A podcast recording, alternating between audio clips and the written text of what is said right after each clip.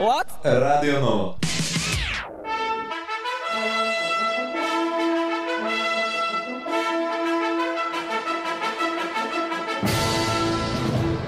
Everybody be cool. You be cool. All right, you ready to have sex? We come in peace. We come in peace. You are the motherfucking Antichrist! We're gonna let you go, okay? Ok. Film er best på radio. Nova Noir.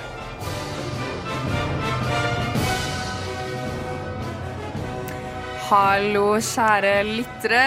Det er tid for eh, deres favorittfilmprogram på radio, nemlig Nova Noir her på Radio Nova.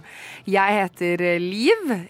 Eh, Ingrid Bakke, for å ta det hele navnet. Og jeg sitter her med eh, to veldig nye eh, medlemmer av Nova Noir, faktisk. Anne, du er jo helt ny. Hei, Hei, til deg. Så har vi Aurora. Morgen, morgen. Du har vært med på én sending eh, tidligere. Det har jeg også. Jeg har vært Yes. gjest på Skumma, bare sånn Ja. snikskryt. yes. Så det blir veldig gøy. Det er ordentlig jentestemning her i dag. Vi har jo Ragnhild som vanlig på teknikk. Og um, jeg tenker vi tar en liten stemningsrapport her uh, for å starte med. Hvordan går det med dere? Det går, det går så bra. Det går så bra. Altså, Halve kunne vært nok. Jeg skal hjem i dag en tur. Jeg har ikke vært hjemme på en måned, så Nei. det blir fint å komme hjem Hvor er til hjem? Hjem er Våler. Ja. Så hvis du som hører på ikke vet hvor Våler er, hvis du vet hvor Moss er, så vet du hvor Våler er. Yes. Eh, skal hjem til bikkjer. Ja, koselig. Det blir koselig. Hva med deg, Anne? Med meg går det veldig bra, bortsett fra dårlig hårdag. Eh, så har jeg eh, med meg big money expensive energi inn i studio i dag. Jeg så fire Porscher på vei til, eh, til Radio Nova i dag. Det er helt sykt. Jeg skulle bare ned til T-banen, og så fire Porscher. Ja. Ja, apropos det. Vi kommer jo litt inn på den stemninga litt senere også. Eh, men eh, jeg lurer på, er du nervøs, eller går det bra? Gleder du deg? Ja, det kribler litt i magen. Ja. gjør. Jeg gleder meg veldig til å ha sending med dere. Og vi skal jo ha eh, litt morsomt tema i dag. Kan jo tise litt med å si at vi skal snakke om serier, eh, og norske serier. Eh, det syns jeg vi snakker litt eh, for lite om, faktisk. Før vi går inn på hvilke serier vi skal snakke om i dag, så kjører vi en liten runde som vi alltid gjør helt på starten av dagen, nemlig Sett siden sist. Sett siden sist. Anne, du som er nyest, kan ikke du eh, kjøre i gang med noe du har sett siden sist? Ja. Eh, nå har ikke jeg vært her før, Nei, så eh, Det er derfor jeg setter ja, deg litt sant? på prøve med en gang. Så eh, jeg kan ta det jeg har sett i det siste, i hvert fall. Eh, jeg har vært og eh, sett The Whale på kino med noen eh, venner. Og jeg var egentlig litt skuffet, tror jeg. Ok. Um, jeg vet ikke helt hva det var. Uh, jeg tror kanskje jeg syns dialogen var litt sånn klein, og at det var litt sånn overdramatisk. Alt var liksom Ja. veldig dramatisk å høre på denne triste historien og sånn. Um, Gråt du?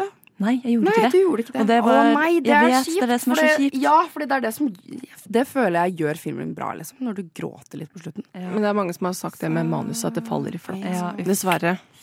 Jeg har ikke sett den ennå. Mm. jeg har hørt litt sånn forskjellig, egentlig. Jeg, bare, jeg, jeg har ikke hørt at den er nødvendigvis sånn skikkelig bra, men jeg har bare hørt at folk gråter. Ja, nettopp. Det er det som er greia. Sånn, I anmeldelser Ja. sånn 'Å, jeg gråt eh, siste Ja. halvtimen'. Mm -mm. Han med lommetørkle. Ja. Lommetørkle, faktisk. Eller sånn snytepapir, liksom. Eller, ja. Ok, ja. Men har du sett noe som er bra, da? Ja, det har jeg. Ja. Eh, dette er en film fra år 2000 som heter Where the Heart Is. Jeg så den helt sånn tilfeldig. Den bare kom opp etter jeg hadde sett en annen serie som sånn forslag. Og det er en film som heter Where the Heart Is, Ja. med Natalie Portman, der hun spiller Ah, sånn love. white trash sørstatsjente. Det er en veldig sånn camp-film, eh, hvor hun, hun er gravid på liksom eh, niende måned, og så blir hun forlatt av kjæresten sin utenfor Walmart, og så begynner hun å bo inne på Walmart i all hemmelighet. Eh, og så etter det så bare er det kjempekaos og Men det er også en veldig sånn søt kjærlighetshistorie der, så jeg anbefaler å se den. Dette har jeg aldri hørt om, tror jeg. Nei, men nei, Jeg er veldig glad i I'm intrigued. Ja, det er kjempe, Hvor ser man kjempemerkelig. den da? Til de Eh, nysgjerrige her. Åh, jeg lurer på om ikke det er liksom eh, Viaplay eller noe, kanskje. Eller, nei, nei, unnskyld. Prime Video, kanskje. Prime Video. Eller Disney. Et eller annet. En av de. Ja, ikke sant. Ja, men da er det en anbefaling, da.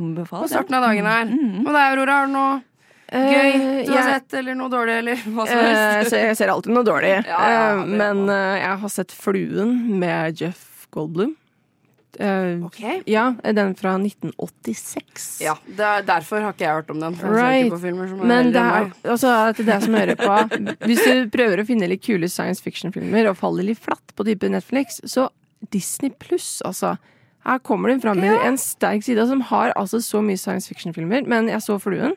Og På Disney Pluss, ja. på Disney Plus. All right. Um, og det er jo en ganske gammel film blitt. Um, men altså, jeg ble veldig- veldig imponert over hvor godt den har holdt seg. Den er, jeg var fortsatt, den var spennende. Jeg syns genuint den var spennende. Den var bra laga. De scenene som skulle være ekle, var ekle. Uh, og det funka absolutt veldig bra, så den anbefaler jeg å se. All right. Den er ikke veldig, veldig lang. Um, og til at den er fra 80-tallet, så har den fortsatt et ganske bra manus, syns jeg. Ja. Ja, men da er det også en anbefaling, da. Ja. Nei, personlig så har jeg egentlig sett mest i uh, eh, hvert fall én av de seriene vi skal snakke om senere. Men jeg har også sett ferdig Det har tatt meg litt tid. Veldig sånn TikTok-aktig serie, men Wednesday. Wednesday, jeg kan ikke si det. Basert på uh, Adams Family, for de som uh, kjenner til det, som er da litt eldre. Med Jenna Ortega i hovedrollen der. Hun, hun er jo så poppis nå at det hjelper. Så jeg så den, tok en liten pause fra det. Var litt sånn, Klarte ikke helt følge med, skjønte ikke helt hva som skjedde.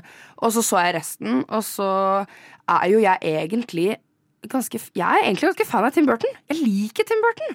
Så jeg liker det universet der, egentlig. Men jeg tror kanskje jeg har vokst litt fra det. Men jeg syns liksom at det var ganske greit på slutten, på en måte. Og jeg blir litt sånn inspirert, for det er sånn jeg, kunne, jeg har også lyst til å lage karakterer som er sånn som Tim Burton på en måte gjør. Så jeg blir litt sånn inspirert. Så jeg ble litt sånn der, jeg følte kanskje at jeg ble litt Wednesday. At jeg har en sånn type personlighet inni meg. Men så er jeg egentlig blid og sånn, men sånn inni meg sånn jeg kan være sånn. Helt sånn. Ikke, ja.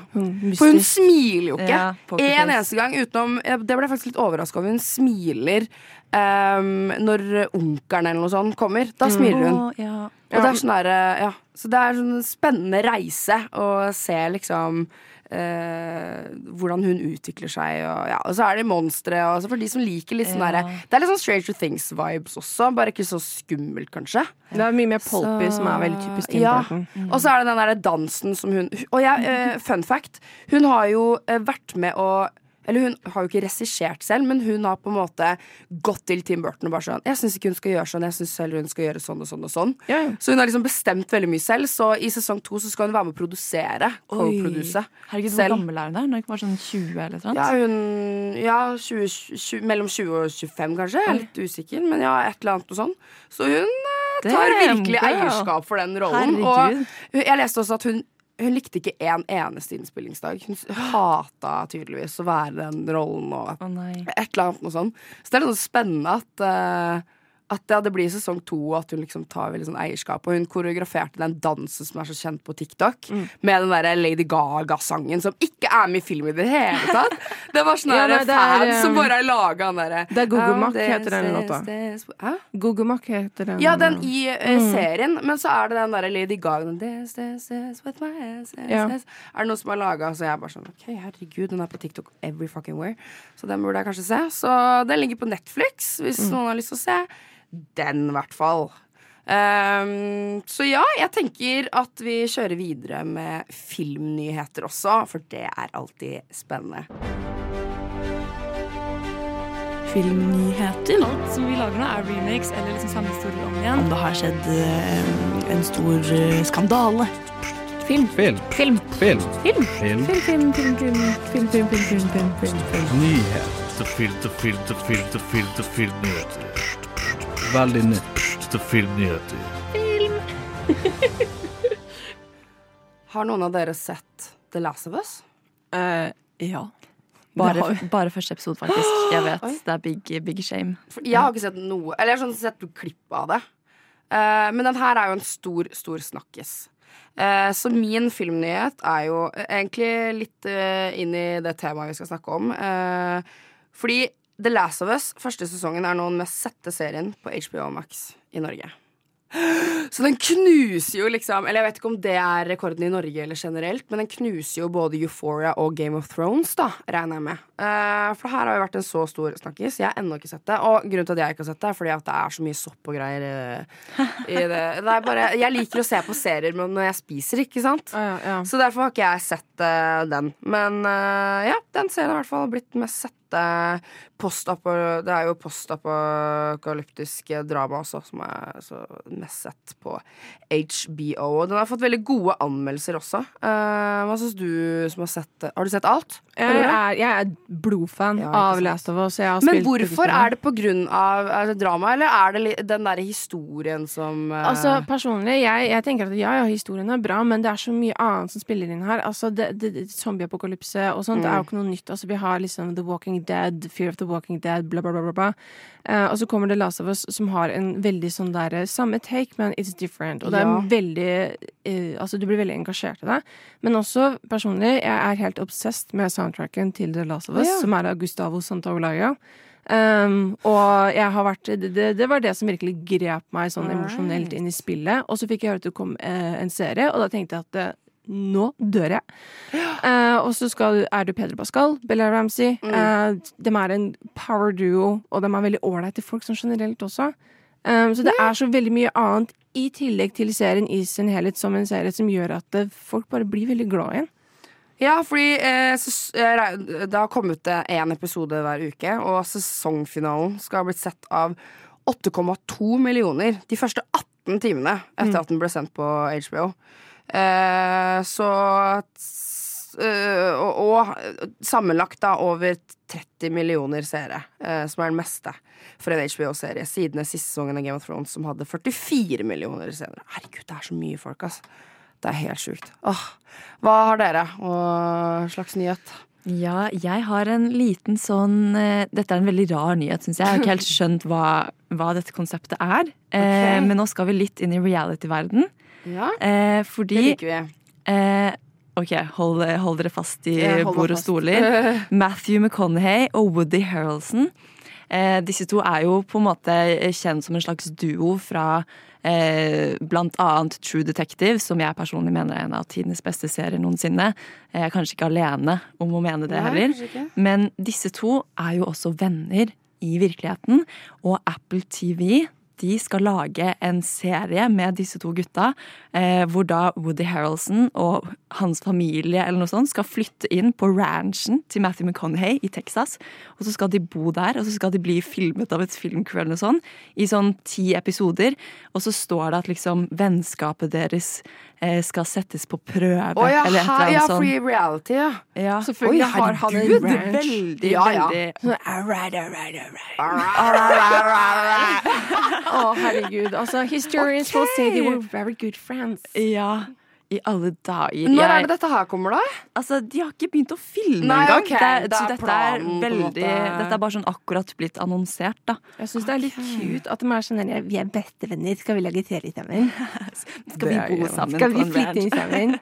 Nei, men det blir kult. Jeg syns de er ålreite folk, så det, kanskje jeg ser på det. Ja, Vi får komme med en sånn oppdatering når det kommer ut. Og hva Ja. vi syns om det Jeg bare lurer på, Kommer ikke det til å bli veldig sånn merkelig sånn Keeping Up with the Kardashians-stemning? Det var veldig gøy, sånn- da, for så vidt. Det hadde vært litt gøy. Altså, Jeg vil heller se på det enn Kardashians også. to. Aurora, hva slags nyhet har du?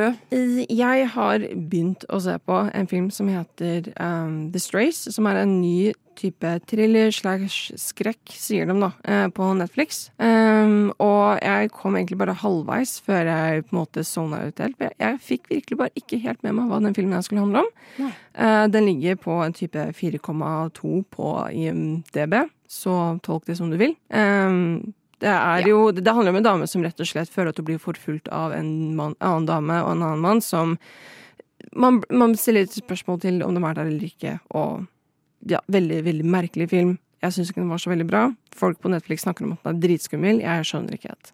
Nei. Den, så ikke en anbefaling, men en sånn Jeg tenker at den altså, Du må gjerne se den. Altså, det er noen som syns eh, at den sikkert er bra, obviously, men, men jeg syns den Det tok veldig lang tid før den fikk fram helt på en måte, hensikten med filmen. på en måte da. Den datt veldig bort. Ja. 4,2 på IMD, det er ganske dårlig. Det er ganske lavt. Det si. Det er ikke noe bra. Jeg synes egentlig det- er jo litt trist, da, når det kommer en ny film som på en måte prøver å få til noe, så, så går det jo rett og slett ikke. Ja.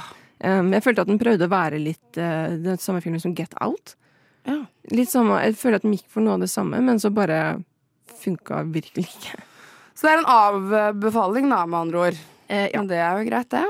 Eh, vi skal faktisk videre. eh, og eh, for å eh, fortsette med å å si, introdusere deg, Anne, så skal du ha din debut her nå med et innslag som har blitt sånn fast eh, invitar hos, hos de nye. Eh, så det kommer veldig straks. Før det så skal vi bare høre en, en liten låt.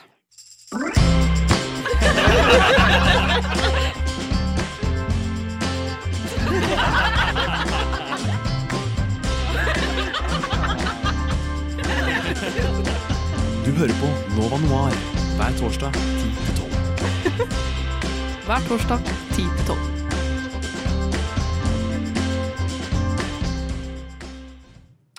Anne Halsa, du har lagd et eh, innslag. Har du noen ord eh, om den før vi hører? Eh, ja, jeg kan bare Jeg syns egentlig innslaget forklarer litt eh, for seg selv, men eh, jeg har eh, vært i Paris, og der skulle jeg egentlig gjøre litt utenrikskorrespondanse, men så skjedde det noe veldig gøy. Oh my god, Anne, det hadde vært freaking legendarisk om din Om din Nova-debut var at du på Oscarspesialen har et fuckings intervju med Bass Lerman i Paris! Det hadde vært helt sinnssykt.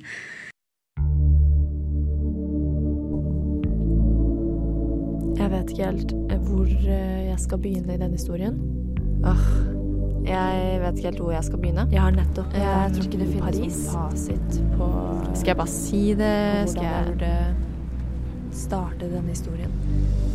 Eh, Så jeg tror vi bare hopper rett i det. Dette er historien om hvordan jeg gikk glipp av et eksklusivt intervju med filmregissøren Bass Lerman på en kafé i Paris. Ok. Jeg regner med at ikke alle vet kjempemye om hvem Bass Lerman er, eller hvilke filmer han har lagd, eh, så da kan jeg begynne med å fortelle litt om det. For det første så har han regissert en av mine absolutt favorittfilmer, Romeo og Julie, med Leonardo DiCaprio og Claire Danes. I tillegg så har han regissert Moulin Rouge og The Great Gatsby og selvfølgelig Elvis-filmen. Og som du nå kanskje begynner å forstå, så lager da denne regissøren filmer som er ganske pompøse og fulle av liv og farger og fest og musikk. Og da må jeg selvfølgelig snakke litt om Romeo og Julie, fordi den filmen har kanskje tidenes mest legendariske soundtrack. Her har vi talkshow-host av Radiohead, vi har Kissing You av Desiree, vi har Angel av Gavin Friday, eh, og så har vi Pretty Piece of Flesh av One Inch Punch, og selvfølgelig så har vi også When Doves Cry av Prince. Eh, her er det ikke Prince som synger selve sangen, men det er han som har skrevet den, og så blir den fremført av et sånn vakkert kor i den scenen hvor de gifter seg. Og selvfølgelig, helt til slutt, Exit Music for a Film av Radiohead, som Radiohead lagde spesifikt for denne filmen.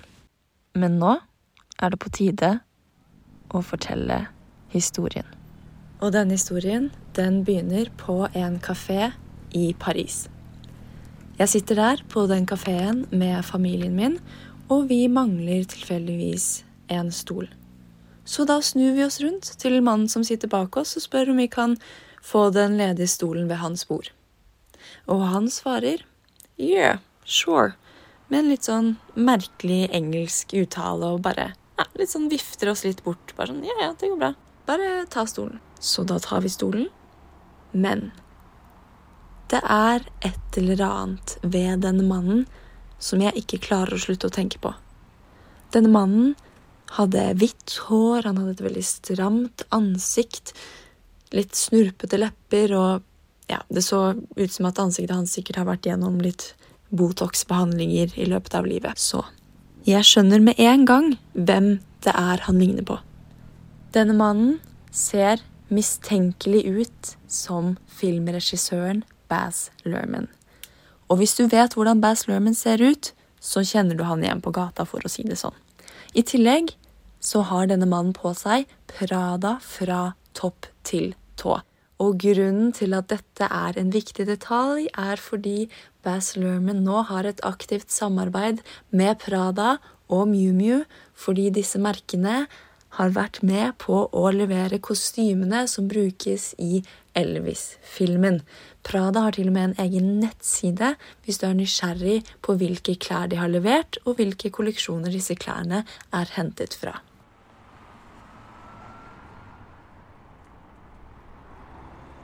Og nå har vi altså sittet på denne kafeen en stund. Jeg har lagt litt disse tankene om Bass Lerman til side. Men så, etter å ha gått litt tid, reiser han seg opp og begynner å vandre litt nedover gaten. Og plutselig stanser han ved et vindu for å se på seg selv i refleksjonen. Og her retter han litt på håret og fikser litt på klærne, og jeg klarer altså ikke å legge fra meg tanken lenger. Jeg tar frem mobilen, finner et bilde av Baz Lerman og viser det til de som sitter rundt meg, og spør Dere, den mannen som vi nettopp snakket med, er ikke det Bass Lerman? Og de bare Jo, det ser jo veldig ut som han. I tillegg så har jeg gjort litt detektivarbeid, og jeg har funnet en video på Instagrammen hans der han har på seg nøyaktig samme kåpe som han hadde på seg i Paris. Jeg vil for øvrig anbefale på det sterkeste at du også stalker han på Instagram, fordi han er skikkelig søt på Instagram. Alle videoene starter han ved at han legger hånden sin over kamera, og så fjerner han hånden sin, og så sier han 'action', og så begynner han å prate. Og han har verdens kuleste aksent. Altså, han er egentlig australsk, men jeg tror han bare har liksom laget sitt helt, sitt helt eget språk, nesten. Eh, så sjekk ut det. Og nå som jeg har fortalt denne historien, er det på tide at jeg understreker hvorfor denne historien er helt insane. Jeg hadde nemlig tatt med meg en opptaker fra Radio Nova som jeg hadde i totebagen min under hele denne seansen. Dette betyr at hvis jeg hadde tenkt på det litt tidligere, så kunne jeg ha innledet en litt lengre samtale med Bass Lerman, som jeg da også potensielt kunne ha tatt opp med denne opptakeren. Og nå er jo ikke dette innslaget på Oscarsendingen vår, men hvis jeg hadde fått til alle disse tingene, så kunne jeg potensielt forrige uke ha debutert under Oscarsendingen med et eksklusivt intervju med filmregissøren Baz Lerman i Paris. Og hvis jeg hadde gjort det, så hadde det vært det mest legendariske noen noensinne har gjort gjennom tidenes historie på denne planeten. Du lytter til Nova Noir. Da er det tid for dagens eh, tema her uh, i Nova Noir og dagens sending. Vi skal nemlig ta for oss uh, tre veldig gode serier uh, som er her i Norge, kan man si. De, de, eh, de tre beste, eller en av de tre beste seriene her i Norge basert på gode omtaler og eh, seertall. Og vi skal da snakke om Exit, som eh, hadde premiere på siste og sesong eh, tre eh, for eh, noen dager og uker siden. Vi skal snakke om Perny og Rådebank. Vi har altså ikke valgt å snakke om Skam. Kanskje flere som tenkte på at ah, Skam, det må vi snakke om. Men vi har i hvert fall to serier eh, som går på NRK TV, eh, som er da gratis eh, strømmetjeneste til dere studenter der ute, blant annet. Og så har vi eh, Perny, som går på Viaplay. Um, og ja, vi skal rett og slett kjøre i gang med den første serien. eh, og da tenker vi å starte med Pernie. Er Inglourious Bastards den beste Tarantino-filmen? Nei, det er jo ikke det. Det er ikke det. det er, er det noen som mener noen av dere det? Nei. Sånn helt Ja. Du mener det? Ja. Film er best på radio. Nova Noir. Du ødelegger familier, du vet det? At det er det du driver på med? Har du noensinne møtt et trygt barn? Trygge barn er sure, ufyselige, motbydelige og gjør ikke det de blir bedt om. Du vet ingenting om hvordan traumatiserte unger oppfører seg. Du skal Har lyst til å bli nå. Nå? Ja. Jeg bare tenker at du har de små tvillingene, jeg har så mye unger. Nei, Det er bare ikke en sånn situasjon som roper på stående 69. Jeg tenkte faktisk på kaffe da. Hallo? Jeg snakker ikke med deg før du flekker opp den lommeboka. Ikke ødelegg øyeblikket med en klem nå. Nei. Hei! Er det rim? Det er Bernie. Du er så gjerrig, mamma. Lukk den døra! Jeg bare lurer på om jeg kanskje er en helt ræva mor.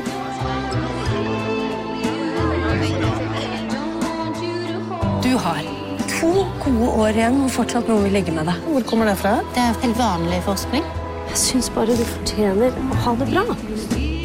Skal du ikke kjefte? Jeg blir redd. Jeg ser når du har truffet en mann du liker. Please, ikke få kjæreste, da. Ok, der hørte vi altså et lite utdrag fra Viaplay-serien Pernie. Jeg, jeg, jeg må si jeg, det smiler i hele meg når jeg hører, eh, hører Pernie. Jeg er veldig glad i den serien. Dette er altså en dramaserie som er skrevet av eh, Henriette Stenstrup. Det er altså også hun som er serieskaper, og hun spiller også hovedrollen Pernie. Eh, dette er en serie som handler om eh, Pernille Middleton, eh, som er tobarnsmor. Eh, hun har to litt sånn krevende unger og en fraværende far som er sånn ja, forfatter eller noe og bor i København. Eh, og i tillegg så har hun nettopp mistet søsteren sin, eh, og da eh, passer hun også en del på, eh, på sønnen til søsteren, nevøen. Eh, eh, og så passer hun også på faren sin. Dette er en serie om eh, Pernie som bare passer på alle rundt Ja. seg hele tiden. Familie og alt. Ja, ja, hun jobber i barnevernet, der hun også passer på masse andre barn. Men så er hun ikke så god til å passe på seg selv, dessverre. Ah, ja, jeg husker eh, Jeg så reklame på det, og så var jeg sånn Pernie, hva handler det om? Ok, ja Og så hørte jeg bare Det var så mye oppslag på VG og alt sånt der. Pernie, eh, eh, dritbra serie, så var jeg sånn derre eh, Ok, det her må jeg sjekke ut. Og jeg liker jo Henriette veldig godt, så jeg sjekka det ut, og elska det. Eh, nå ligger det Er det tre sesonger? Ja, nå er tre litt usikker. Tre sesonger. sesonger. Mhm. Eh, og alle sesongene er egentlig veldig bra. Uh, så jeg Ja, det husker jeg. Og det fun fact er jo at eh, det er jo den mest strømmede TV-serien uh, på Viaplay. På 24 timer, faktisk. Mm. Uh, det er jo litt det vi skal snakke om i dag. Serier som uh, har på en måte litt sånn rekord på høye seertall og sånn. Aurora, hva tenker du? Eh, altså, jeg elsker Henriette Stenstrup. Jeg ble jo først kjent med henne gjennom lydbok eh, når hun leste 'Kyss meg på tirsdag' av Unni Lindell. Husker dere den? Ja, jeg husker. Ja, jeg husker, jeg. da, var jeg sånn, eh, da ble jeg kjent med stemmen til Mm. Henriette. Um, jeg må si at jeg er kanskje litt spesiell når det kommer til serier. Fordi det er veldig sjelden jeg syns de underholder slik som de lover. Og jeg føler ofte at de ikke rører meg på den Mm. måten som de lover, eller at jeg ikke ler når det skal være morsomt. Men Pernie sitter jeg og brøller av. Ja, det er, ja, Og det er så sjeldent det skjer, og da blir jeg sånn Det, det, det er liksom, da, da treffer det med et eller annet hos meg, i hvert fall. da Men Pernie ler jeg av. Jeg ler av manuset. Jeg ler av Henriette som Pernie. Jeg syns de to jentene som spiller døtrene hennes, Sigrid og Hanna, er amazing. Og det er så mye her som jeg blir sånn derre kødder du med meg, eller? Bare, det, jeg blir så engasjert av serien, og det er veldig bra. Norske serier er jo egentlig litt kjent for å ha manus som ikke er helt Ja. Eh, godt Mm. skrevet. Og det er det jeg syns er så gøy med at hun også har fått så gode omtaler, fordi hun, hun har jo skrevet det selv, og hun spiller det. Jeg bare tenker sånn, å, jeg ser for meg hvor vanskelig det Ja. egentlig er. Men det var ikke Å levere de Ja. eh, replikkene Ja, og den humoren sånn som hun gjør. Mm. Hva var det du skulle si nå? Ja, altså, eh, hun, det er hun som har skrevet denne serien. Mm. Eh, men de lette det var, det var ikke planen at hun skulle spille hovedrollen. De lette veldig veldig lenge etter den perfekte Pernie-dama. Eh, fant ikke, og da ble det henne til slutt. Og det er jo ingen andre som kunne gjort den rollen Nei, som henne. er Hun er så, så- utrolig rå å se på. Bare sånn kjernekvinne. passer jo perfekt, da. Det er sånn der, hun har jo veldig den derre Å, man blir så glad i Ja, henne og så synd på henne. Og man kan også kjenne igjen den sånn der når hun kjefter på unga sine. Og jeg, jeg kjenner meg jo veldig igjen i det er jo det som er at det er jo en serie man kjenner seg veldig igjen i. Mm. Eh, på alle måter. Som ung. Du kan kjenne deg igjen i døtrene.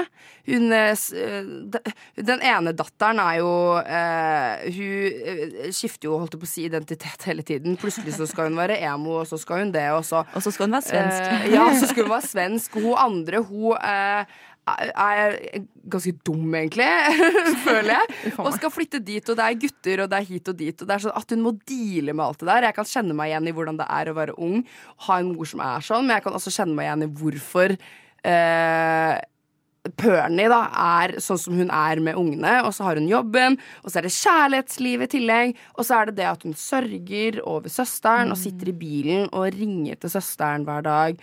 Og man får liksom så mye spenn, da, holdt jeg på å si, eh, gjennom hele serien at man kan kjenne seg igjen i alt. Jeg tror alle kan kjenne seg igjen i det. Det er en serie vi kan se. Det er en serie eh, mamma kan se. Det er liksom alt mulig. Og så Ja, har vi jo ja. Nil, eh, Nils Ole Oftebro som spiller eh, faren til Pernie òg. Eh, Jon Rane spiller jo Ja. også i den serien. Uh, UG, som man sier. Loverboy. Så det er veldig Og Agnes Kittelsen, Ja. som spiller i en annen serie vi skal snakke om senere òg. Også hun eh, eh, blånissejenta. Ulrikke. Ja, Ulrikke! Mm. Jeg kaller henne det fortsatt. Så det er en god blanding av skuespillere og sånn. Og, og ja, jeg vet ikke. Bare sånn, alt, jeg syns alt er så godt gjennomført. Ja. Jeg syns ikke det er så rart at det har fått så bra omtale. på en måte Nei. For det kunne jo gått veldig skeis Mm. å skrive og spille selv, men så er det, til å være norsk, så er det liksom veldig sånn spot on. Både veldig typisk hverdagslig, det som Ja. faktisk skjer i virkeligheten, men så er det fortsatt fiksjon, på en måte.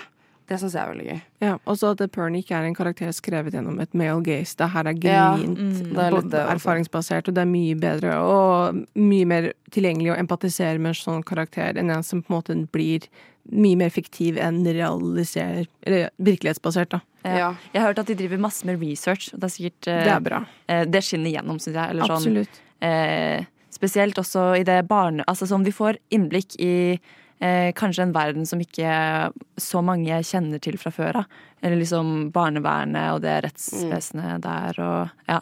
Ja.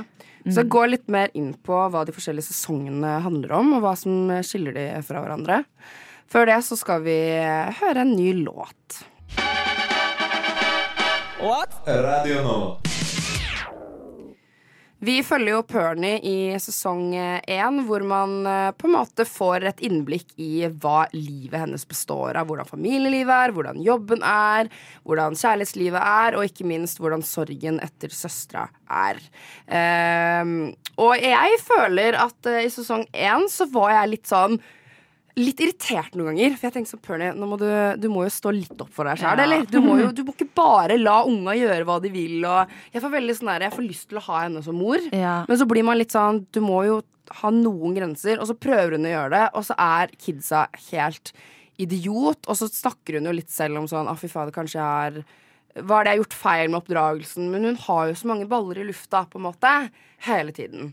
Eh, og vi snakka nettopp om I sesong to så lærer hun å sette litt mer grenser. Hun har egentlig bestemt seg sånn ish for å slutte å ringe søsteren, og hun har uh, funnet en uh, mann hun har lyst til å være med, og faren, faren hennes kommer jo også ut som homofil i sesong én. Så nå har jo han fått seg Steven, kjæreste. Ja, Mm. kjæreste. Og hun må deale med det, uh, og på en måte uh, ja, Ikke bare stå opp for de svake i samfunnet, men også seg selv. Ja. Og det må jeg si, hun prøver jo litt mer her. Og det er jo det som gjør at det, at det på en måte blir veldig bra, for det er en utvikling gjennom hele. At det starter på en måte med hvordan hun er, hvordan livet er, og at man kan kjenne seg igjen i den kaotiske hverdagen som mor og det å ha barn, og skal eh, drible med både jobb og, og Herregud, så vanskelig det må være å finne seg kjæreste Ja, når du liksom eh, eh, er eh, skilt og har to barn og liksom alt det greiene der. Ja, jeg føler I sesong to så er vel litt det der dramaet med han der fraværende faren Det kommer Ja, vel litt mer frem, også, gjør det ikke? ja. Og ungene som ikke vet helt hva som er greia. Skal hun fortelle det? Prøver å Mm. skjerme de. Og prøver å finne ut av hvordan hun skal være en god mor oppi alt det her. Eh, Som Ja. jeg irriterer meg litt over. For jeg er sånn her, åh, kan det ikke bare liksom Men hun være tar vel egentlig sånn bitte litt, eh, litt oppgjør med han. ikke sant? Ja, Eller sånn når det Han kommer med den der, han skriver jo en bok Ja, eh, det- om liksom livet deres. Som er helt ja, ja, ja. Han skriver en selvbiografi, Ja. for at eh, han har jo så fantastisk mye å fortelle om sitt eget liv, sånn obviously, så da begynner han å brette ut om andres sine liv. Så han drar med eh, søstera til Pernie som og hvordan hun dør, og hva som skjer kvelden før, og liksom forskjellig. Og det er super, super, super, super sensitivt, og så langt forbi ikke greit som du går an å få det. Og det skjønner ikke han. Og Pernie prøver å konfrontere han med det og sier liksom Skjønner du ikke hva det er du driver med? Ja, og barna tenker Ja, han ikke på barna i er det hele tatt. ikke sant? utgitt før hun i det hele tatt får sett hva det Ja, er. og. Sånn, så Driver ja, og det er mye om, sånne ting òg. driver og snakker om gravid, eh, altså svangerskapet med Ja. Hanna, som er den første, altså eldste dattera, og at han har vært utro, og alt det her blir bretta ut, og det er veldig eh, frustrerende og sårende, og også ganske ydmykende for Pernie. Ja. Ja, det husker jeg, husker jeg veldig godt. Og så har vi jo sesong tre. Den er ganske ny, for så vidt. Kom eh, eh, i november Ja. 2022. Uh, og den også, det er det som, det her er det juletider, da, så det er litt mer sånn her Det går litt inn i, inn i hvordan det er, på en måte, med tanke på familien. Eldstedattera Hanna har jo flytta til Argentina, og de har flytta til et nytt sted. Hun føler seg mer alene, Ja, Og dattera, hun er Hun er både svensk, og hun er emo, og hun skal ha klær, og de skjønner liksom ikke helt hva mora går etter. Og vi får veldig mye innblikk i akkurat det med barnevernet. Ja. Hvordan hun skal ta vare på andre, at hun på en måte gjør alt hun kan for at alle skal på en måte ha det bra. Men så ser man i slutten av sesongen at hun har det jo ikke noe bra, og hun sitter der egentlig helt alene. Og så er det en veldig fin vri, som er veldig sånn typisk, som passer veldig bra i juletider også. Og det er jo at familien bryr seg jo om henne, og hun får på en måte det hun alltid har trengt. Eh, en annen ting som, eh, som er veldig sånn eh, eh, Ja, at hun eh, Hva sier man for noe? Eh, I midten Jeg vet ikke. Eh, det er fortsatt tidlig for morgenen. På morgenen, Jesus, at hun har slutta å ringe søstera Ja. for å komme seg over det. For hun sitter jo alltid i den bilen. Uh, og det gjør jo også at hun føler seg litt mer ensom. Og så plutselig finner hun ut at han derre kommunebjørnar Ja. Nei, det er ikke hans barn likevel. Og, Masse intriger. De kunne egentlig hatt et skikkelig fint forhold sammen, og ja, Ja, det er det som frustrerer meg meg mest sånn- når jeg ser på den serien. Her Ja. er bare sånn at hun egentlig har muligheten til å ha det bra med folk, men så. Jeg føler at hun har, et, hun har et øyeblikk fordi um, hun Sigrid, yngstedattera, hun Ja. har jo sine lille faser i løpet av serien. Som men de fleste har det. Altså same, men også spesielt i siste sesong, hvor det kan bli Hvor det svinger plutselig veldig. Ja, det er så sjukt, altså. Herregud. Og festing og plutselig Ja, drikking, og hun er jo overhodet ikke 18. Nei, nei. Eh, og så kommer det fram at hun blir jo, hun blir jo mobba. Ja. Ikke så reint lite heller. Så det er jo det også. Um, og det føler jeg er på en måte da hvor Pernie bare Ja, men nå er det faen meg nok her. Og Mm. hun tar jo et skikkelig oppgjør på en sånn type foreldremøte hvor hun på en måte sier foran ungene eller foreldrene at hvis dere hadde visst hva ungene deres gjør på nettet, så hadde dere ikke altså, Mm. Ja, hun tar skikkelig oppgjør i det, det klasserommet der òg. Ja, og da føler jeg at hun var sånn eh, Altså, jeg tåler mye, men du kommer faen ikke etter Ja. dattera mi, altså. Ja. Um, og Så det er en liten vri akkurat der, som Ja. er veldig sånn gøy å se med tanke på utviklingen. Jeg føler at de tok opp det veldig bra uten at det blir sånn klisjé-mobbetema. Eh, Måten hun reagerer på det, men også hvordan Sigrid oppfører seg. Jeg har opplevd mobbing selv, eh, så det her følte jeg var veldig realistisk. Med tanke på at det liksom ikke eskalerer ut, på en måte tar helt av. Men det er alvorlig nok. Så er det jo det at hun Pernie får jo et godt forhold til kollegaen sin Kenneth også. Og man tenker jo litt sånn der ja, Er det noe romantikk her, eller er det godt vennskap? At man liksom trenger bare være romantikk heller. Nei, Litt sånn voksen eh, Ja. eh, Ja. ja, voksen fremstilling av Ja. eh, romantiske forhold. Ja, at hun ikke trenger Hun trenger egentlig ikke disse mannlige karakterene rundt seg, men dem er en bonus Ja. for hennes Og man ser hvordan De sier jo sånn herre Han eh, har jo en sånn eh, kjent replikk som er sånn 'Jeg kaller det pøn, jeg. Såpass respekt har jeg for damer.' Eller et eller annet sånt der, sier han jo. Nei, jeg kaller deg Pernille, er det han sier. Ja. Ikke. Kaller hun er Pernille. sånn si, 'Kall meg Pernie'. Ja. Han er sånn 'Jeg kaller deg Pernille, jeg'. Såpass respekt har han for damer, tydeligvis. Ah, men eh, for å komme til en konklusjon, da, så Skulle du si noe her nå? Ja, jeg tenkte vi eh, bare sånn Jeg vil si dette for meg er en av de seriene som liksom eh, blir bedre og bedre med sesongene. Herregud. Ja. ja, det var det jeg skulle frem til også. At vi har jo en series her, Pernie, som er så bra norsk som man liksom Man får kritikk på at eh, norske manus er dårlig og dialog og alt sånt der. Det her er jo uh, helt det motsatte.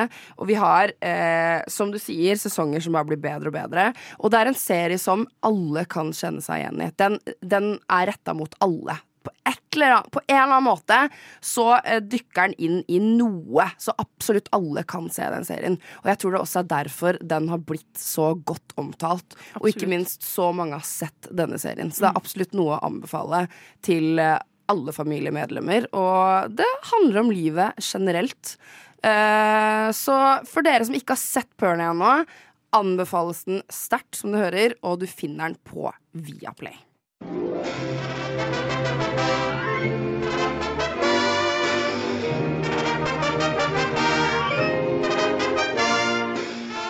Lytter til Nova Noir hver torsdag 10-12 eller på podkast når du vil. Hvilken kultur er Bø kjent for? Råning. Vil du bli med bussen? Ja, når er det du får lov til å kjøre igjen. Vet du, Han har blitt vårråner i to år til. Og for noen av dere her er ikke råning kultur av den rette typen. Greit nok, men denne kulturen er mer enn høy fart og musikk. Det er gode venner som tar vare på hverandre. Det er en dannelsesreise i sosialisering, investering Fy faen. Drømmebilen. Kjærlighetsliv og mye, mye mer. Jeg takler ikke sånne seriøse greier. Ja.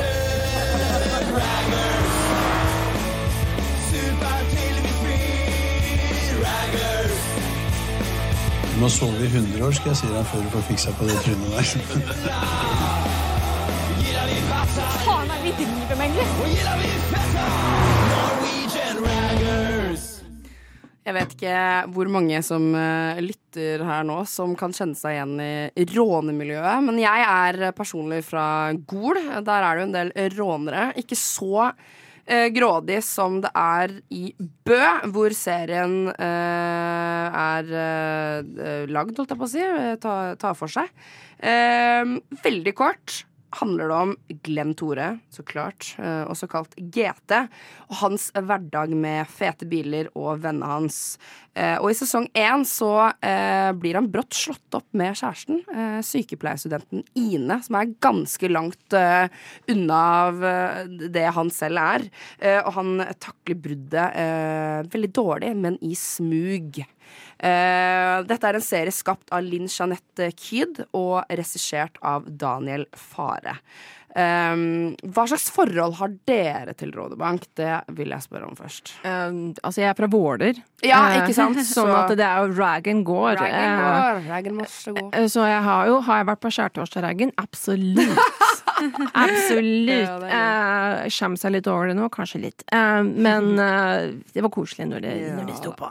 Men nei, jeg har ganske kort, men greit forhold til eh, råning. Det var eh, der da jeg var på ungdomsskolen og på starten av videregående, og det var jo liksom Volvo 240 som var liksom Ja the babe car. for det kjører jo også GT. Volvo 240. Volvo generelt. Rød Volvo 240. Første vi ser, faktisk. Så jeg kjenner jo jeg kjenner igjen karakterene og Glenn Tore og Ja, Hege ja, ja. og Robert eh, og de folka der. Så du da, Anne? Ja, det er noen stereotyper som går igjen, føler jeg. Jeg er ikke personlig integrert, eller jeg kan ikke eh, skryte på meg at jeg er råner, eh, men eh, min eh, liksom eh, ja, livslange bestevenn, hun er faktisk i det rånemiljøet. Eh, så jeg har sånn et lite innblikk her og der. Eh, mitt inntrykk eh, er at å drive med bil sabla dyrt. Ja, altså, det er hele tiden Altså, det, er jo, det er jo hobby. Det, er, det er jo det eneste du gjør. Da er du da, Du bare kjører ikke. Du Alltid mekke på den mekker bilen og bytte deler og holde på og For det er jo det GT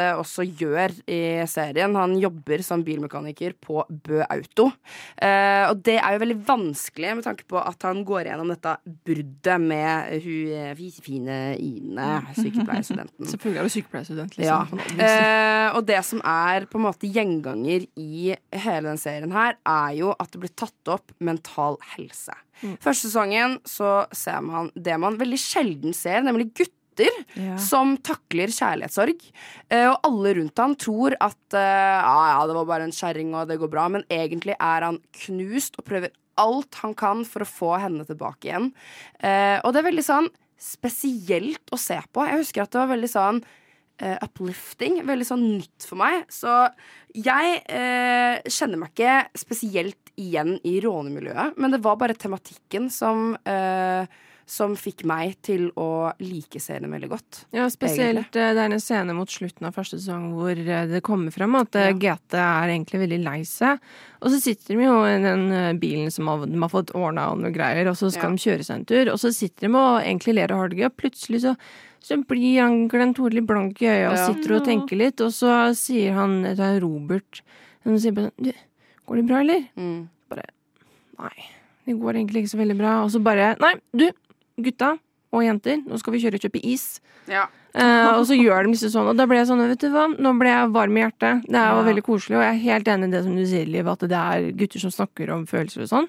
Mer av det, takk. Ja, ja, ikke sant? Vi trenger mer av det, Ja, det, det kalde samfunnet vi lever i nå. Ass. Mm. Ja, fordi I sesong to eh, så handler det jo fortsatt om eh, GT og vennene, men da er det Sivert som er hovedperson. Eh, og tematikken i sesong to er selvmord. Eh, og det hus Jeg husker sesong to så godt.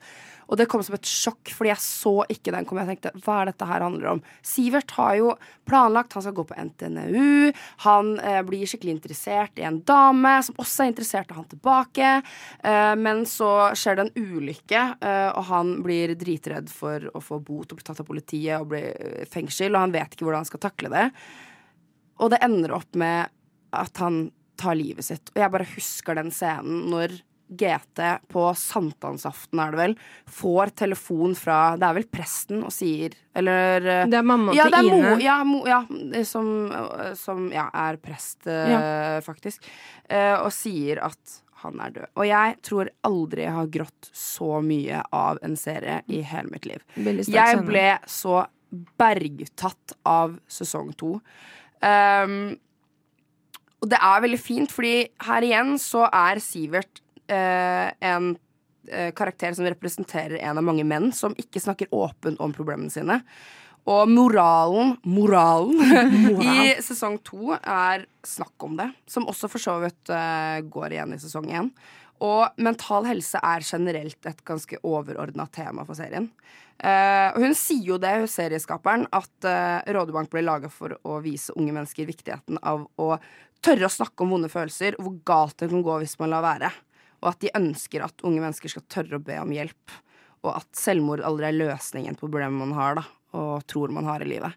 Så det, er, det høres ut som det er en serie som bare er for rånere og sånn. Så er det, Det egentlig ikke det. Og det er det jeg syns er så utrolig nydelig. Og jeg gråt og jeg gråt og jeg gråt. Jeg syns det var så fint at Robert Nilsen, eh, spilt av eh, Kasper eh, Antonsen. Kasper Antonsen, sønnen til Atle Antonsen, som ikke er skuespiller i det hele tatt, sitter og prater med GT om at han heller ikke kanskje har det så bra. Og det er bare sånn Det også være en veldig god scene. Ja. Og bare Ja, det er så ja, jeg måtte jo Jeg jo Jeg, jeg skrev jo anmeldelse av den serien her i stedet for å skrive eksamen dagen etter jeg så. Eh, Jeg tror det var to episoder som ble, skre, eh, som ble lagt ut, eh, og jeg var bare så jeg, jeg hadde jo ikke ord. For jeg kjente meg så veldig igjen. Jeg syns at det var så jeg, jeg syns det var så fint å se. Man, man blir liksom inspirert. Jeg skal ikke gå veldig mye inn på det, men sånn, Det var jeg veldig- syns ja. det er veldig, veldig fint å ta det opp på den måten. Det var veldig ja. respektfull måte. Ja, uten at det blir liksom For for klisjé. Um, og så går vi over til sesong eh, tre veldig kjapt nå. At vi fortsetter med at ja, man ser hvordan de fortsatt på en måte sliter med den sorgen. Og vi ser jo det i sesong to. Hege, for eksempel, eh, reagerer på en helt annen måte enn det de andre gjør. Reagerer med sinne. Man tar opp hvordan folk reagerer, og hva kunne man gjort bedre. Man er jo etterpåklok, alt sånt der. Sesong tre handler mer om hvordan man skal finne gleden i hverdagen, som er de dagene det finnes flest av. Eh, så det er ikke så mye mental helse her, og det er kanskje det som gjør at jeg syns det gikk litt ned. Akkurat sesong tre. Det handler fortsatt om noe som er veldig relevant, som er eh, det at Hege får seg ny jobb, og eh, det åpner så mange muligheter for karriere, og hun plutselig får et sånn intimt, litt spennende kjærlighetsforholdaktig med kollegaen sin, som viser interesse, men hun er jo blitt samboer med GT, og de har det kjempefint, og så ser man på en måte de problemene hun eh, støter på. Men det som er det som er forskjellen, da, at nå er det en jente som er hovedkarakteren, på en måte. Og det er eh, Ja. Så det, det Jeg syns det er veldig gøy å se. Og jeg skal gå litt videre inn på uh, hva slags omtaler og uh, hvorfor denne serien her er noe vi snakker om i det hele tatt. Nova Noir. Film på radio. Hver torsdag 10 til 12, eller i din podkast-app når som helst.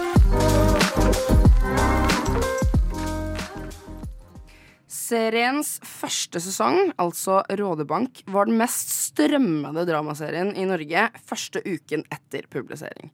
Jeg husker jeg så denne serien veldig kjapt rett etter den kom ut. For jeg tenkte sånn ah, Rånemiljøet, det er gøy, jeg er fra Gol, bla, bla, bla. Skjønte at her er det snakk om noe mer. Eh, serien er eh, overall sett av over en million mennesker. Og den første episoden fikk over 200 000 visninger på få dager. Eh, så dette er en veldig populær serie på NRK. Eh, noe, det kan jo ha noe med at uh, det er jo gratis, på en måte. Og NRK, veldig stor kanal, så klart vil jo folk se hva som kommer ut der. Statskanalen. Um, det er altså snakk om at det skal lages en svensk remake. Såpass blitt. Det syns jeg er litt gøy. Altså, sånn, ja, ja, vi, kan hva, vi, kan si hva vi vil om remakes. Det, man kan finne på noe annet. Men rådemiljøet i Sverige, Ja, det høres altså, kan- jo litt morsomt ut. Kan ikke eh. svenskene bare se på den norske versjonen? Ikke for å være helt Ja, sånn det men- også, men jeg lurer jo litt på sånn ha, Går de da videre med mental helse, og hvordan Ja. er det i Sverige? Jeg vet ikke om det er noen forskjell på det. Og... Ja, det er, de sliter kanskje med litt andre ting i ungdomsmiljøet i Ja, enn i det kan godt hende, så- så mye, det er jo- kriminalitet. mye kriminalitet og vold. eh, Ja. Ja, det kan Mm. godt hende, faktisk. Ja. litt der at det kanskje faktisk blir sånn blir snabba mørkere. cash-aktig Ja, rån- snabba rånegreier. Ja. Jeg har en liten fun fact, faktisk. Og det er, eh, serien er jo spilt inn i Bø. eh, Store deler, i hvert fall. Eh, Handlingen foregår også i Bø. Og Visit Bø har nå laga et rådebankkart for alle innspillingsstedene i Bø. Og Bø Auto, der GT jobber i serien, har også solgt T-skjorter som er lik den GT går med i serien. Altså rød T-skjorte med sånn hvit Bø Auto-skrift på eh, på høy, venstre side, blir det vel. Og så har, det noe kjent for det der kjettinggreiene og caps. Og jeg vet ikke om dere har sett de på, eh, sånn på TikTok, folk som Jeg skal etterligne stemmen av ja, ja, ja.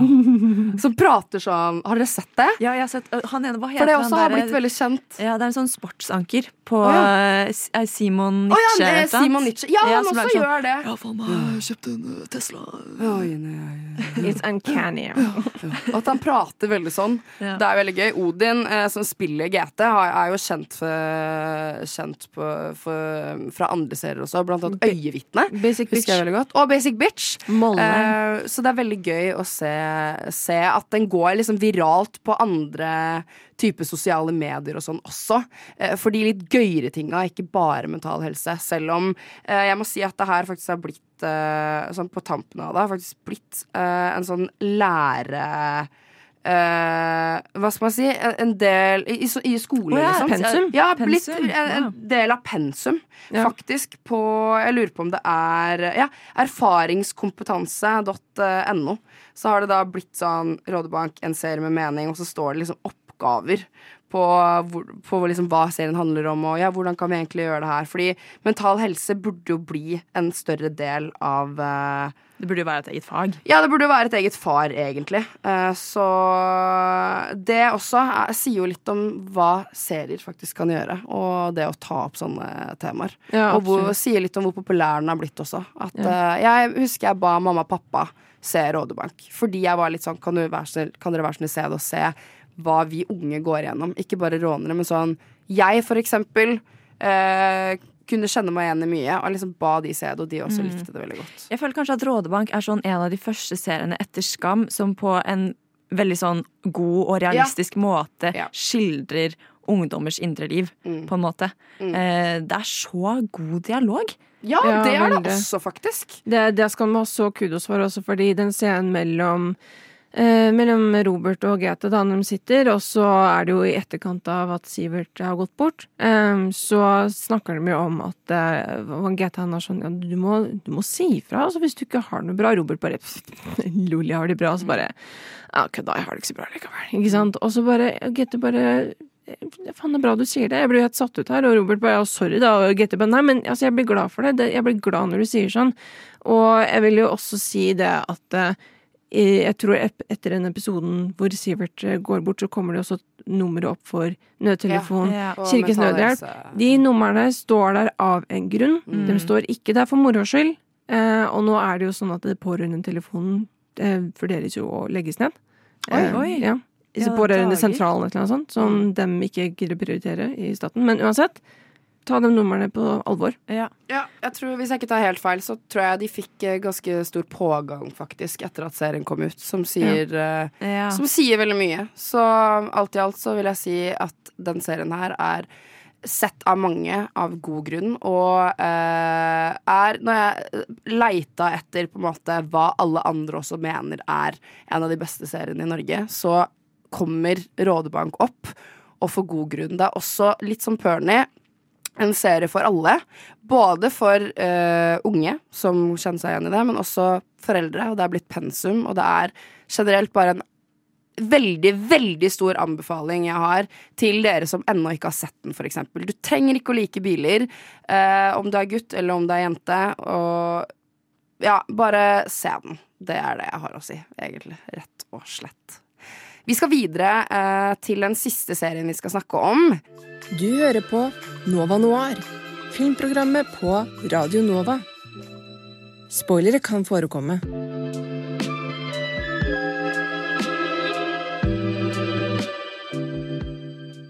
Jeg heter Adam. Jeg er gift med en fantastisk kvinne. Kom. Skal jeg få deg til å tenke på noe annet? Just nå så forsøker jeg og min fru å få barn. Jeg er sterilisert, men det vet ikke hon. men eh, eftersom jag hade mina första 100 miljoner innan jag fyllde 30 så eh, har det varit svårare och svårare med tiden att hitta den där sortens utmaningar som ger kicken. Jeg er gravid. Vi er gravide. Jeg opplever å bli tilbedt. Jeg ser på meg sjæl som en grisegutt. Helt vanlig grisegutt. Mennesker som oss, som på bakgrunn av økonomisk ambisjon har dratt samfunnet fremover. Så hadde levestandarden en vanlig mann i gata vært som på middelalderen. Og de av oss som er best utstyrt med økonomisk ambisjon, de drar de andre etter oss! Kom igjen, du får 25 000! Ja ja, hvis dere ikke kjenner igjen stemmene til disse fire mannfolka her, så har dere i hvert fall noe å ta igjen. Fordi siste episode av Exit sesong tre kom for kvart til 20 minutter siden. Og oh boy, oh boy, oh boy, oh boy. Oh boy. Eh, altså sånn, Hvis du ikke har hørt om Exit ennå, uh, hvor har du vært? Men denne serien skildrer livet til en gruppe menn fra den norske finanseliten som bruker fritiden på festing, rus og prostituerte. Serien hadde premiere i september 2019, og andre sesong ble vist i 2021, og siste sesong kom nå i mars 2023. Eh, den her har altså noe infernalsk med seertall. Altså, første episode av sesong tre blir sett av over én million seere. Um, og serien ligger på NRK TV, som også da er en gratis strømmetjeneste. Um, ja, Det er jo eh, en litt annen type eh, serie enn de vi har snakka om. Fordi dette her er jo da basert på ekte hendelser. Eh, så mye som 70 Mm. er faktisk ekte hendelser, så vidt vi vet, eller som er fortalt. Ja, dem Fra folk i miljøet, kvinner og alt sånt her. Men så er det jo da 30% som er eh, fiksjon. Fordi noe må man jo finne på, på en måte. Um, og det er det jeg syns er så gøy. uh, og det tror jeg også var grunnen til at det ble så stor hype når det kom ut. Fordi er dette sant? Har dette skjedd? Er dette ekte? Alt som skjer der. Det med prostituerte. At det er så mye dop. At, eh, og de er jo familiefedre, hele gjengen. øh, Og at de, hvordan de oppfører seg i familien. Bare sånn, og at det er i Norge. Ja, det er bare sånn De oppfører seg jo ikke som vanlige mennesker. Nei, det, det er, det er så nei, mye nei. vold og Mm. Det er ekstremt sjokkfaktor. Ja, ja, det er Ja. sånn, De er helt ute av det. De er liksom aliens, på en måte, nesten. Eh, ja, jeg, jeg, uh, og jeg, jeg tror ikke folk blir liksom inspirert, på en måte, men man blir litt sånn Oi, shit. Tenk at noen har det sånn. Og jeg tenker sånn, fy faen, så jævlig digg å liksom være så rik og bare kan gjøre hva faen du vil. Men de er, altså det, er jo, det sier jo litt om hva rikdom og makt kan gjøre med folk. Eh, og at folk kan oppføre seg sånn, er jo helt sjukt. Får nesten litt avsmak, egentlig, på å ha Ja. så mye penger og Ja, makt. det er Eller sånn, det virker jo ikke som at de har det så Nei, men det er jo det som er det, det, Jeg tror det kommer jo veldig godt fram. Som Ja, er at penger er ikke lykke. Du kan ha så mye penger du vil, men faen så ensomme og så vondt de egentlig har det. Og de fyller jo denne ensomheten med nettopp dop og prostituerte for en grunn. De har jo egentlig familie, de har kone, men de, det virker som de liksom bare har det for at det ser pent ut, på en måte. Og så gjør de De har jo leid en leilighet sammen hvor de bare liksom booker prostituerte og gjør og Det er ekstreme ting som skjer i sesong én også, som er sånn Man har ikke sett det tidligere. Uh, og så går det kanskje litt ned i sesong eh, to. Men egentlig tar man jo litt opp sånn eh, For William tar, prøver jo å ta livet sitt blant annet fordi han skylder så mye penger. Eh, så det er en sånn bakside med det å ha mye penger og alt sånt der òg. Og så får han ikke til, og så drar jo vennene på sykehuset og liksom får han til å snorte coke eller hva det er for noe på sykehuset. Liksom, de skal liksom gjøre noe morsom greie ut av det. Men så ligger det jo litt bak òg, som jeg tror kommer litt mer inn i sesong eh, to også, mener jeg. Litt sånn seriøsiteten med alt sammen. Uh, og karakteren til Agnes Kittelsen, Hermine, blir også en veldig sentral karakter gjennom sesongene, og da spesielt i sesong tre, som nylig kom ut. Um, de to siste episodene kom jo ut i forrige uke, Ja. så de er såpass nye at vi eh, kan ikke spoile det som skjer, men Nei, ja. eh, vi kan jo si at det har jo vært uh, mangel på ad... De har fått litt kritikk på at det er mangel på advarsler, holdt jeg på å si. Voldsomt. Fordi Ja, det det har de er lagt inn nå, da, i litt etterkant, eh, sett. ekstreme greier som skjer, og på en helt annen måte enn det vi ser i sesong én, må jeg si. Mm. Uh, jeg, jeg, jeg så jo faktisk de siste episodene i går. Ja, eh, og ja, uten å på en måte fortelle hva som skjer, så jeg fikk Jeg jo med hat, meg sorry, men jeg hater at vi ikke kan fortelle Ja, hva som er- skjer. ja. Men se de episodene, så kan vi snakke om det noen uker, Ja. tenker jeg. Fordi eh, det er Ja, fortsett du, Aurora. Jeg Det det. går kjempefint. Men jeg så de to siste episodene i går, og jeg har jo fått med meg den litt kontroversen i forkant av at det ikke var noe advarsel om eksplisitt innhold. innhold. Og tenkte jeg bare ja ja, liksom how bad can it be? Og så så jeg dem, og jeg bare Det var, det var såpass, ja. Ja, jeg Ja, husker jeg satt bare ah! Ah! Ah! Uh! Nei, Og, og, ja, sorry, men jeg kan ikke si hva som skjer. Men eh, det teaser dere litt til å se episodene, da. så- Fordi Exit er uh, worth a watch, for å si det sånn. Og vi skal gå videre inn på hvorfor nå straks.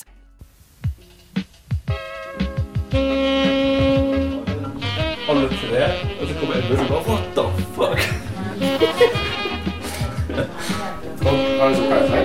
Ja. Du? Du vet når hun gjør den der, den der huskeringen sin? Å, shit, shit. Eh, n- Nova Noir.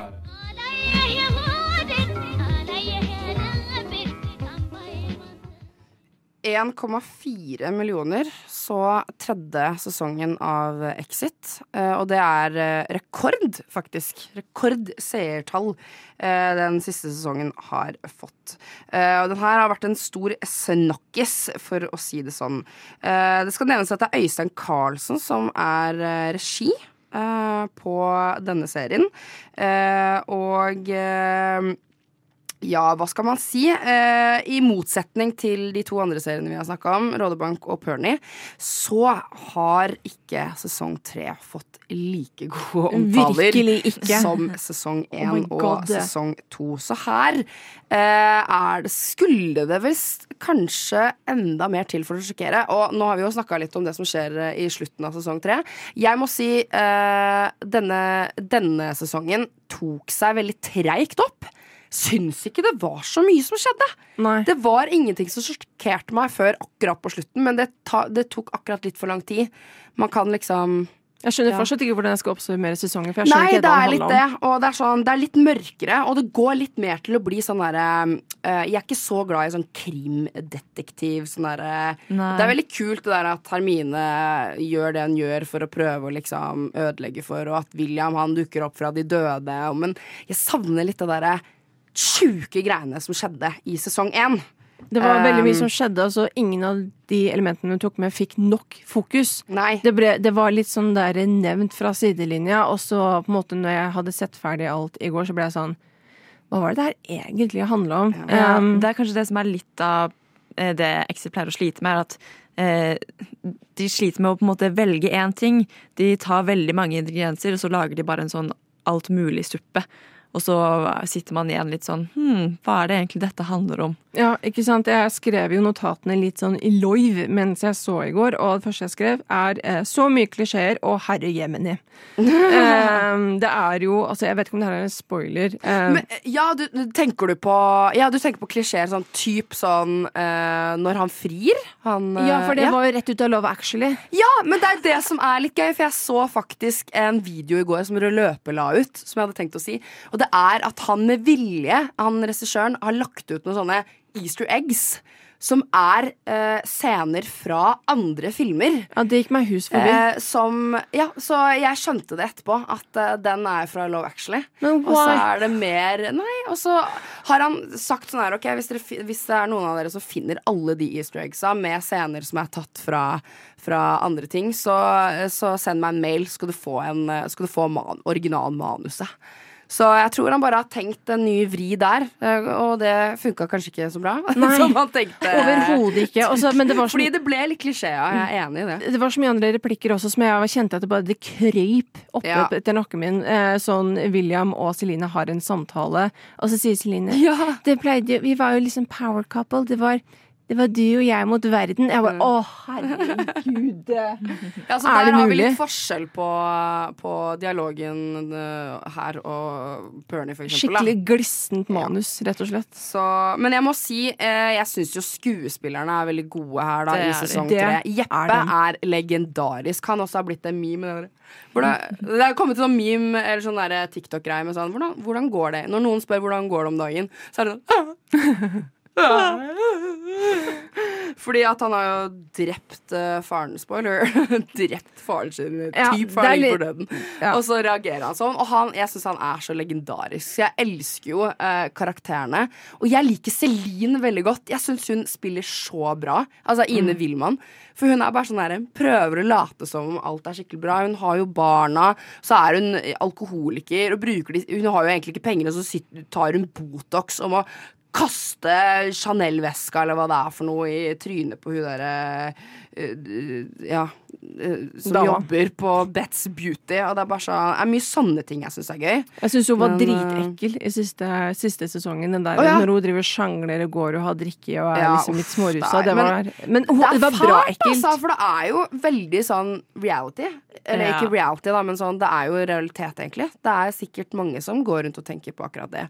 Og struggler med liksom de bieffektene med å være gift med en rik mann som har det så dårlig, og, Og hun vil jo bare at de skal ha det bra. Og, ja. Så jeg, det må jeg si. Jeg syns skuespillet er veldig bra i, i Ja, spesielt siste sesong. Jeg føler at de fire gutta også splitter seg litt i siste sesongen. Ja, det gjør det er- jo. Jeg det føler at du har liksom Henrik og William på den ene sida, som på en måte er litt sånn type De er ikke sånn fullstendig hardbarka, ondskapsfulle. Og så har du liksom Adam og Jeppe på andre sida. Jævlig sant. Ja, ja. For det Henrik er det jo egentlig litt synd på. han og han ja. skjønner jo også det litt sjøl etter hvert, og William vil jo ikke være der. Eh, og så har du jo Jeppe som sitter og på en måte prøver å være verdens Han er jo smarteste. den som er Han er jo Klin gæren? Ja, han er klin gæren. Og så er det han eh, Adam som er veldig sånn psykopat. Veldig egentlig. narsissist. Sånn veld- Ja, ja, veldig.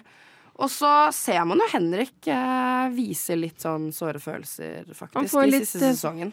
For Ja. den fantastiske egenskapen Ja. av selvinnsikt. Og Eh, William også er jo Ja, ser man eh, veldig forskjellige sider av. Så jeg må jo si at jeg syns Jeg, jeg må eh, si jeg aner jo ikke hvilke disse hva, hva slags menn det her er snakk om i virkeligheten. Og jeg, jeg er så nysgjerrig på sånn Er dette sant? Er det faktisk sånn det er? Hvem er disse, liksom? Ja. Skal jeg dra på det TIF en gang og se om jeg finner dem liksom? Og hvordan er det de er i virkeligheten? Og, og jeg har hørt at to av de sitter inne, men- og rykter Det håper jeg òg. sånn. Herregud. peil- ja. Apropos The Thief. Dette er veldig gøy. Men der, jeg, jeg hadde en eh, venn som var veldig glad i Exit. Hun snakket veldig mye om Exit. Ja. Det var før jeg hadde sett det. Eh, og en dag så casually så var hun sånn Skal vi dra ut på bar, eller? Og så bare tok hun meg med på The Thief. Oi, wow. Nei, gøy! Sugar mom. Det var gøy, men eh, vi fikk sånn eh, chips og eh, Ah. oliven og sånn. Ja, ja. Men det var ikke gratis. Det kosta masse penger. Ja, ja, så det var bare Jeg sånn trodde det var gratis. ja, nei, nei, men Det var ikke sånn eh, 'vil dere ha dette'? Det var sånn 'vær så god' Ja, og regning. sånn. Ja, det blir som når du Sånn. kommer til frisøren, og så bare tar du med sånn klonk med hårgelé, og så bare Det koster sånn 150 Ja. kroner ekstra, by the way. Vil du ha hårkur, eller? Jeg Bare koster klart jeg vil ha 400 hårkur. kroner, bare så du vet det. Ja. Ja, men uh, jeg har veldig lyst til å dra dit og bare Ja. ha på meg kjole og hæler og bare sitte på, uh, sitte på en barstol og se om det kommer en mann bort og lurer på om jeg er prostituert. Mm. Det har jeg litt lyst til. Ja, oi, ja! ja men tenk så gøy, da! Bare, bare for å gjøre research, liksom. Ikke for å prostituere meg. Nei, nei, det kommer ja. an på hvor mye jeg må betale, på en måte. Men, eh, Tror du nei. den serien har vært eh, god eller dårlig reklame for eh, The Thief? Oi! Det jeg var et godt jo spørsmål. tenke god, jeg, da. For jeg får lyst til å dra på det TIFF. Det hadde absolutt Og vært kose reklame. meg der på vinbar. Og jeg får jo veldig lyst til, da, til å ha denne eksklusive eh, livsstilen. Ja. Egentlig. Jeg har lyst til å gifte meg med en finansmann og bare leve godt, men han må ikke være psykopat. Nei, Ja. Nei, altså jeg føler jo at folk er liksom redd for å gå alene gjennom Grønland på kvelden. Jeg bare jeg er redd for å gå på TIF. jeg. Men det er jo det, da. Sånn, alt i alt viser jo serien veldig baksiden av Oslos finansliv, som er rett, rett borte, på en måte. Ja, absolutt en Eh, bakside. og det er jo ja, siste, siste sesongen. Over done finito. Uh, hva er next? Kanskje baksiden av uh, vet ikke, et annet type miljø. Eh, kan komme tilbake til andre serier man også kan se som ikke er norske, som er veldig lik eh, Exit, faktisk. Mm. Før det så eh, før, før oppsummering så, så kjører vi en liten låt til, vi.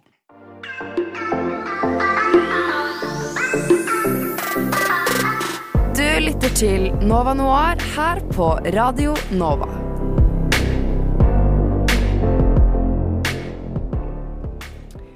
I studio i dag så har vi tatt for oss eh, tre av de bedre eh, norske seriene her. Eh, og vi har jo da snakket om Pernie, som går på Viaplay, skapt av Henriette Stenstrup. Vi har snakket om Rådebank, som går på NRK TV. Og eh, siste og nyeste, nemlig Exit, som også går på NRK TV. Og vi har snakka litt om sånn hva eh, disse seriene på en måte eh, har med seg av positive ting, eh, og kanskje litt hva som gjør de litt dårligere. Men alt i alt så er det tre av de mest populære og eh, seriene som også har fått eh, veldig gode omtaler. Vi har jo eh, Rådebank, som var eh, Første sesong var den mest strømmede dramaserien i Norge. Pernie ble også eh, mest strømmede serien på Viaplay de første 24 timene. Og vi har eh, Exit, eh, hvor en, over en million så premieren av eh, sesong tre. Så det sier jo litt eh, om eh, hvor gode de seriene her er. Noen er kanskje bedre enn andre, og jeg tenker å høre med dere sånn Av alle de tre seriene her, har dere en favoritt? Eh, ja. Ja? Perny. Perny. Perny? Er Begge to? Mm, Solklart. Jeg også liker Perny, men jeg må si sesong to av Rådebank blir min favoritt sånn Mm. overall. Faktisk. Men det er lov. Fordi den bare Den tok meg så hardt at det hjalp. Så den, der, den sitter skikkelig godt, men jeg er også veldig glad i Perny, og jeg syns Exit sesong én er helt sjuk i huet. Men sesong tre drar den ned, ass. Men jeg kan så klart skjønne hvorfor.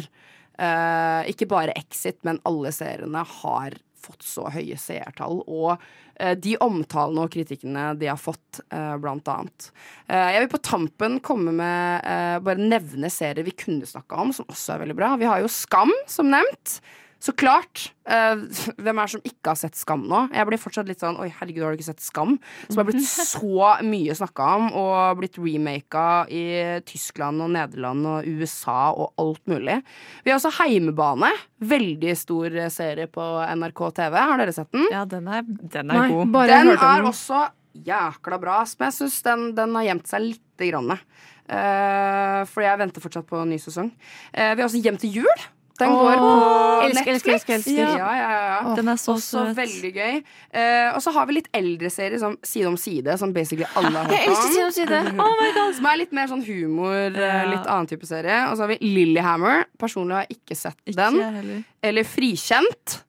Og så har vi en gammel god en som jeg husker godt fra da jeg var litt for liten til å se på, men som mamma var veldig glad i, nemlig Himmelblå! Det også er en serie som er sånn Den var god.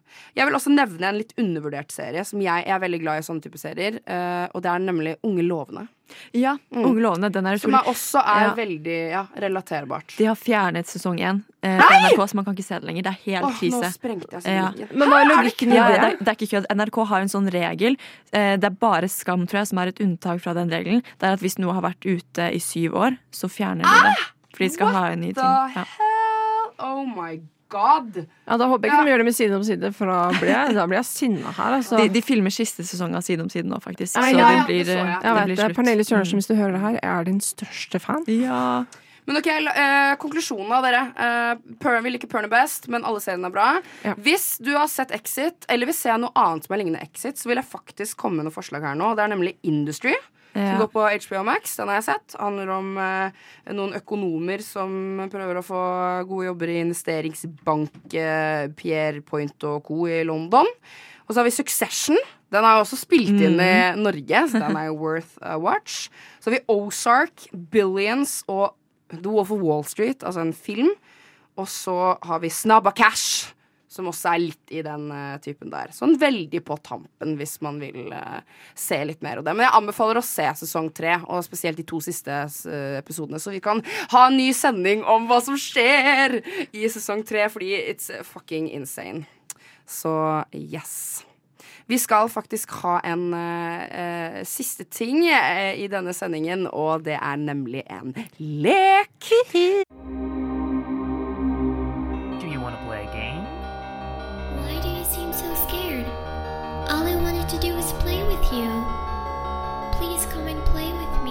Let's play a game!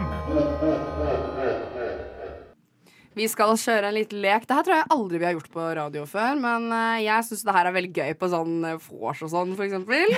Nemlig Kill Fuck Mary. Og jeg kommer til å ta noen karakterer fra de seriene vi har snakket om i dag. Og så skal dere få svare på hvem dere vil fuck, hvem dere vil marry, og hvem dere vil kill. Vi kjører den verste versjonen der. Vi tar ikke sånn kiss. Kiss eh, Holde hender. Ja. kiss. Eh, slå. liksom. Ja, vi tar kill, fuck, marry. Og jeg starter eh, med Rådebank. Da har vi GT.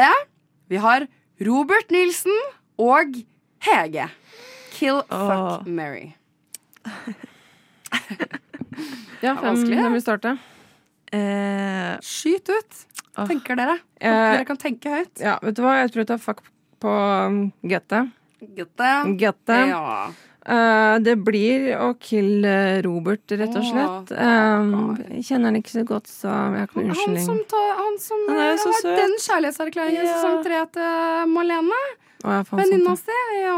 Ja, for seint. Uh, Mary Hege. Det er derfor jeg må drepe Robert, ikke sant? Ja. For jeg har meg med Hege. Ja, ok, right. Å, herregud. Ja, jeg tror kanskje det blir fuck GT. Mm. Oh Kill! Hege. Mary Jeg er også enig i den, men øh, jeg vet ikke. Jeg ville, kan, kan, nei, jeg ville, ja, jeg ville kanskje heller Mary GT, for da kunne jeg fucka han hele tiden. Å, du er så smart! Og så hadde jeg heller bare pult uh, Robert. Uh, det har kanskje vært litt lættis å pule han en gang. Og så uh, Jeg har drept Hege, altså. Jeg syns hun er litt annoying. Neste er Exit. Da tar vi gutta. Og det er Adam, Jeppe og Henrik. Eh, til samfunnets beste så tror jeg kanskje jeg hadde drept Jeppe. Oi, jeg hadde drept? Ad jeg hadde drept ja, Adam. Adam, Adam. for sure. Men det, det var Henrik. Adam og Jeppe. Han, jeg syns han er så stygg. Sorry, ass. Men da Adam- Jeg ville verken pult eller gifta meg med Nei, jeg fant sant det, for det er jo Ja. fuck og Mary også. Jeg, vil jeg tror jeg ville Å, jeg vil jo fuck Henrik, ja. Men jeg ville gifta meg med han. Jeg tror egentlig at han er liksom god. Jeg, jeg er enig i det. Jeppe er klin kokos Ja. Henrik hadde jeg gifta meg med. Ja, jeg tror jeg hadde gjort det samme. Og så hadde jeg blitt uh, sånn uh, førerhund eller noe. Um, Hæ? ja, Blitt førerhund? Ja. Um, det var kanskje litt spoiler. Beklager. Um, oh, ja, ja, ja! ja. Opsi! Ja, sorry. Vi går videre på neste. Jeg har en til fra, uh, fra Exit veldig kjapt. Og det er uh, For vi må ikke glemme William. Ja. Men så har vi Celine og Hermine. Kill Ok, ja, men det, det blir bedre, for jeg tror jeg har tatt uh, Kill William for å Jeg, jeg er enig. Bare sånn Tror ikke han hadde vært Ja. så uenig i det. Hvem er Um, som vil pule? Han sitter jo hele sesong tre og bare er ikke interessert i å pule noen prostituerte og bare deppa. Og, og, og. Uh, Murray, Hermine og fuck Celine. Jeg tror jeg er enig. Enig. Mm. Og, og Hermine vil ha barn også. Tror har vært en god mor. Ja, det blir litt vanskelig, men vi, vi får se. Ok, siste. Da har vi Pernie. Da tar vi da Ja, Pernie, Kenneth, Kripos-Kenneth og Hanna. Oi! Hæ? Men vet du Ok. Ja. Pernie? Ja, ja. Ja, altså, jeg tenkte bare på Hanna, fordi Jeg tror kanskje jeg må bare drepe Hanna. Jeg vet ikke, fordi jeg kan jo Jeg tror også jeg ville drept Hun er Ja. annoying. Uh, Ja, så kan jeg kan, Altså, Kenneth kan vi jo ikke drepe, hallo. Og. Pernille. Men jeg lurer på gifta meg med Pernie. Men jeg er litt usikker på om jeg ville det. Fordi jeg tror kanskje det hadde vært litt sånn tungt og mye At det blir litt sånn Men jeg ligge Jeg hadde ikke ligge med Eller det måtte jeg jo hvis jeg skal gifte meg. ja, ja, jeg kunne noen, kanskje ligge eh, litt med Pernie, egentlig. Ligge litt med litt. Hun trenger sånn Hun Jeg tror ikke jeg vil ligge med Hanna. Jeg bare ser for meg hun Nei, bare jeg tenkte, så Hvor gammel er hun i serien? Eh, hun er vel 20, 20 25, 22, 23 Ja, for det bare ble sånn derre uh, Vent litt. Ja, nei, du blir ikke pedo hvis du Nei, men uff, nei, jeg hadde, jeg hadde tatt kill på Hanna uansett. Ja, og så ja, tatt eh, fuck Kripos Kenneth, fordi Ja. såpass mye respekt Ja, har jeg. tror jeg, jeg tror jeg hadde gifta meg med han, ja, faktisk. Ja, men jeg hadde okay, gifta meg med Perley. Ja, nei, ja, jeg står litt mellom det også. Men jeg Mhm. tror, ja, for han virker som en god fyr, altså, Ah, egentlig. ja, han er god Ja. på ja, Han er god på det meste. Har dere noe på tappen? På tappen um, Nei. Nei, men da hadde vi en eh, ganske kjapp eh, runde med det. Alle er fornøyd med Fuck, marry, kill. Vi kan ta en ny runde en annen gang, vi, med noe annet, for dette her var gøy. In a world that's powered by violence. In a world without gas. In a world where owning a radio was strictly forbidden.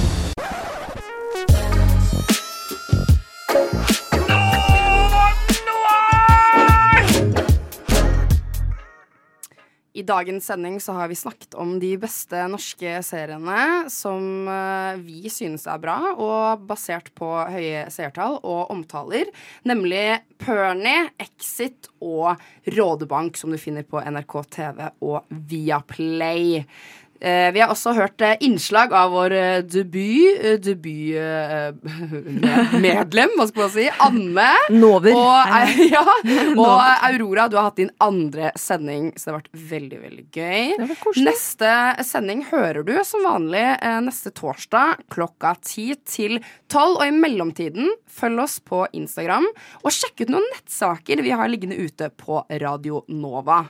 Så var det alt vi hadde for i dag, dessverre. Men vi snakkes. I studio har det vært Liv Ingrid Bakke, Anne Halsa og Aurora Flesjø. Og som vanlig Ragnhild Bjørn Lykke på teknikk. Vi snakkes! Ha en god uh, hva enn dag du hører på. Ha det! Ha det bra!